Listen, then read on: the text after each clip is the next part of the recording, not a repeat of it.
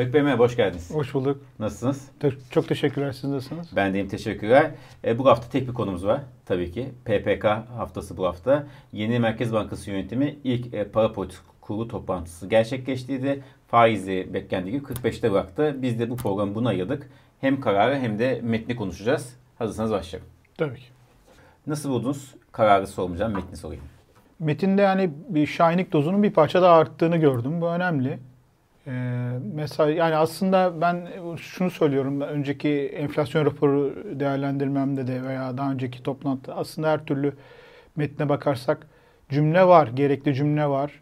Ama e, onun sözel olarak da güçlendirilmesinde fayda var. Bu biraz enflasyon raporunda yapılmıştı. Hatta e, çok net somut yönlendirme de yapılarak hani nelere bakılacağını Merkez Bankası doğru mesajları vermişti. Yani beğendiğimiz mesajları vermişti. Ama orada şöyle bir problem vardı. E, biraz gözleyelim işte Şubat Mart'ı gözleyelim falan gibi. Yani biraz böyle sanki karar alırken hani bir bekleme süreci olacak. İşte yerel seçimler ya da akla geliyor tabii. Öyle bir hava vardı. Bu biraz e, piyasaların hani ikna etmekten hani uzak bir e, duruşa işaret ediyordu. Burada güçlendiğini görüyoruz. Artı bunun ar- arasında ne gördük? Enflasyon beklentilerini gördük. Yani e, bu toplantı öncesinde her zaman olduğu gibi yıl sonu beklentisinin biraz daha yukarı gittiğini gördük. 36 iken 43'e doğru yaklaştığını gördük. Bir de gelecek dönem beklentileri gerilese de ilk kez aslında bu açıklanıyor. Bir sonraki yılın enflasyon tahmini de alındı ve 2025. ilk kez açıklandı 2025 için o da 25.2 açıklandı. Bu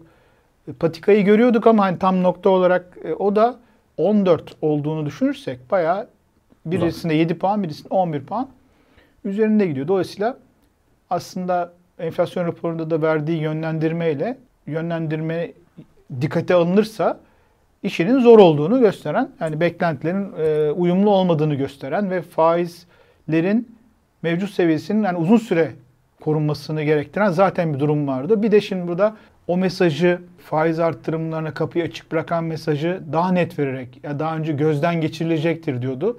Şimdi gerekirse kalıcı ve belirgin bozulma olmasında sıkılaştırılacaktır diyerek daha iyi ifade etmiş. Dolayısıyla daha güçlü Şahin dozu biraz daha fazla diyebiliriz ama çok da aslında farklı değil. Biraz daha ama ayrıntılara girmemiz Evet. lazım. Yani e, isterseniz öyle devam edeyim. Niye daha da güçlü? Çünkü burada biraz daha enflasyonla ilgili risklerin altı çizilmiş. Yani daha önce daha iyi bir e, görünümden bahsediliyordu. Şimdi ise özellikle ben de hep dikkat çektim. Hatta çıktı açığını konuştuk Evet. bir önceki yayınımızda. Demiş ki yurt içi taleптeki dengelenme daha önce diyordu ki dezenflasyon programıyla uyumlu diyordu. Yurt içi talep dengeleniyordu. Şimdi ayrıştırmış bunu. Demiş ki tüketim ve malı ve altın ithalatında güçlü bir şekilde dengelenme görüyoruz. O aşağı iyi geliyor ama diğer tüketim harcamaları diyor. Burada herhalde hep bizim benim de dikkat çektiğim işte kredi kartı, işte bireysel kredilerde büyüme falan veya diğer. Bunlar ise öngörülene karşısında yavaş seyrediyor burada dengelenme diyor. Aslında yani güçlü seyrettiğini ifade ediyor. Bir kere bu zaten enflasyon açısından ciddi bir risk yani o eğilimler. Bence bu önemli. Ama bunu şöyle dengeliyor Merkez Bankası. Hani dengeliyor demeyelim de birazcık böyle olumlu tarafta da bir mesaj veriyor. Diyor ki bu mevcut duruşumuz diyor Türk lirası reel değerlenme sürecine e, yani ki bu dezenflasyona katkı vermeye devam edecektir diyor. Yani niye? Çünkü hani biliyoruz bunu hani hep konuşuyoruz kur politikası üzerinden. E, Türk lirası evet değer kaybediyor ama sonuçta enflasyonun altında bir değer kaybediyor. Buna dikkat çekiyoruz. Bu önemli. Bu dezenflasyon hep yardımcı olur diye her yayında söylüyorum. Merkez Bankası da bunu söylüyor. Bu cümleyi eklemiş. Daha önce böyle bir cümle yoktu. Bir yerde de bunu sürdüreceğim demiş. Kontrollü bir kur rejimi olduğunu da biliyoruz. Dolayısıyla biraz altında tutmaya çalışacağım. Hani e, şartlarda şey yaparsa demiş. Yani de- destekleyici tarafta bu var. Onun dışında da tabii parasal duruş destekleyen ne var? Makro ihtiyati çerçeve var.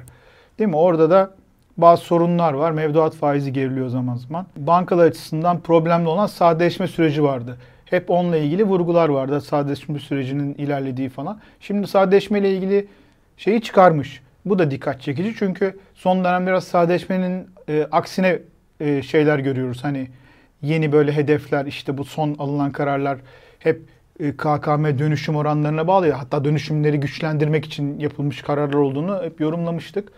Dolayısıyla hani sadeleşmeden biraz uzaklaşıldığı için herhalde böyle bir e, o ifadeyi çıkarmış ama ne demiş? Yine benzer doğrultuda mesaj. Kredi bilmesi mevduat faizinde öngörülenin dışında gelişmeler olması durumunda.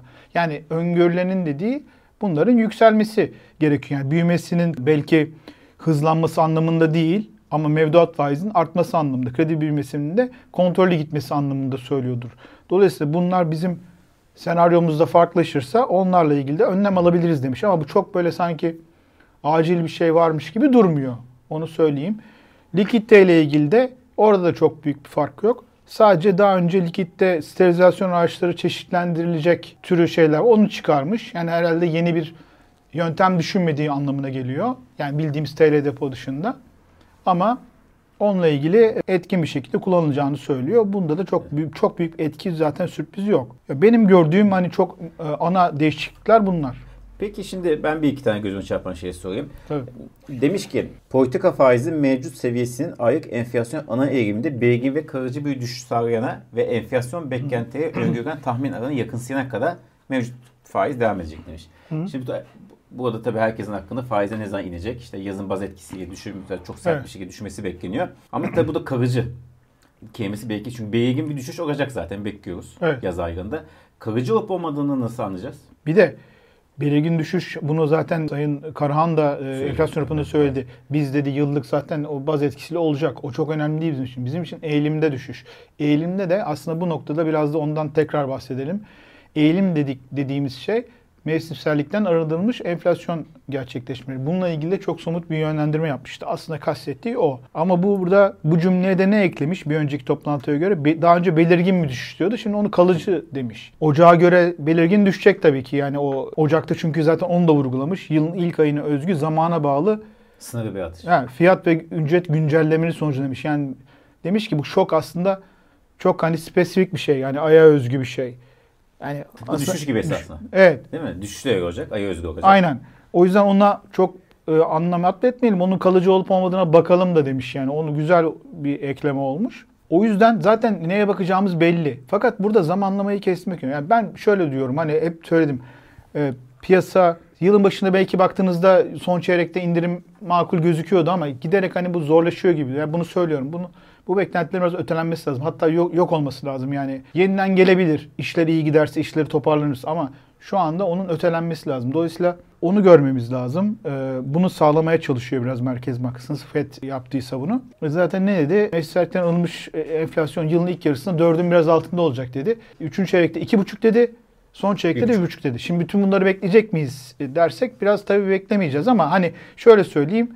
iki buçuğa doğru oturuyorsa biraz güveni artacaktır. Yani üçüncü çeyrekte. Yani dolayısıyla iki, üç, üç çeyrek beklememiz şart gibi duruyor.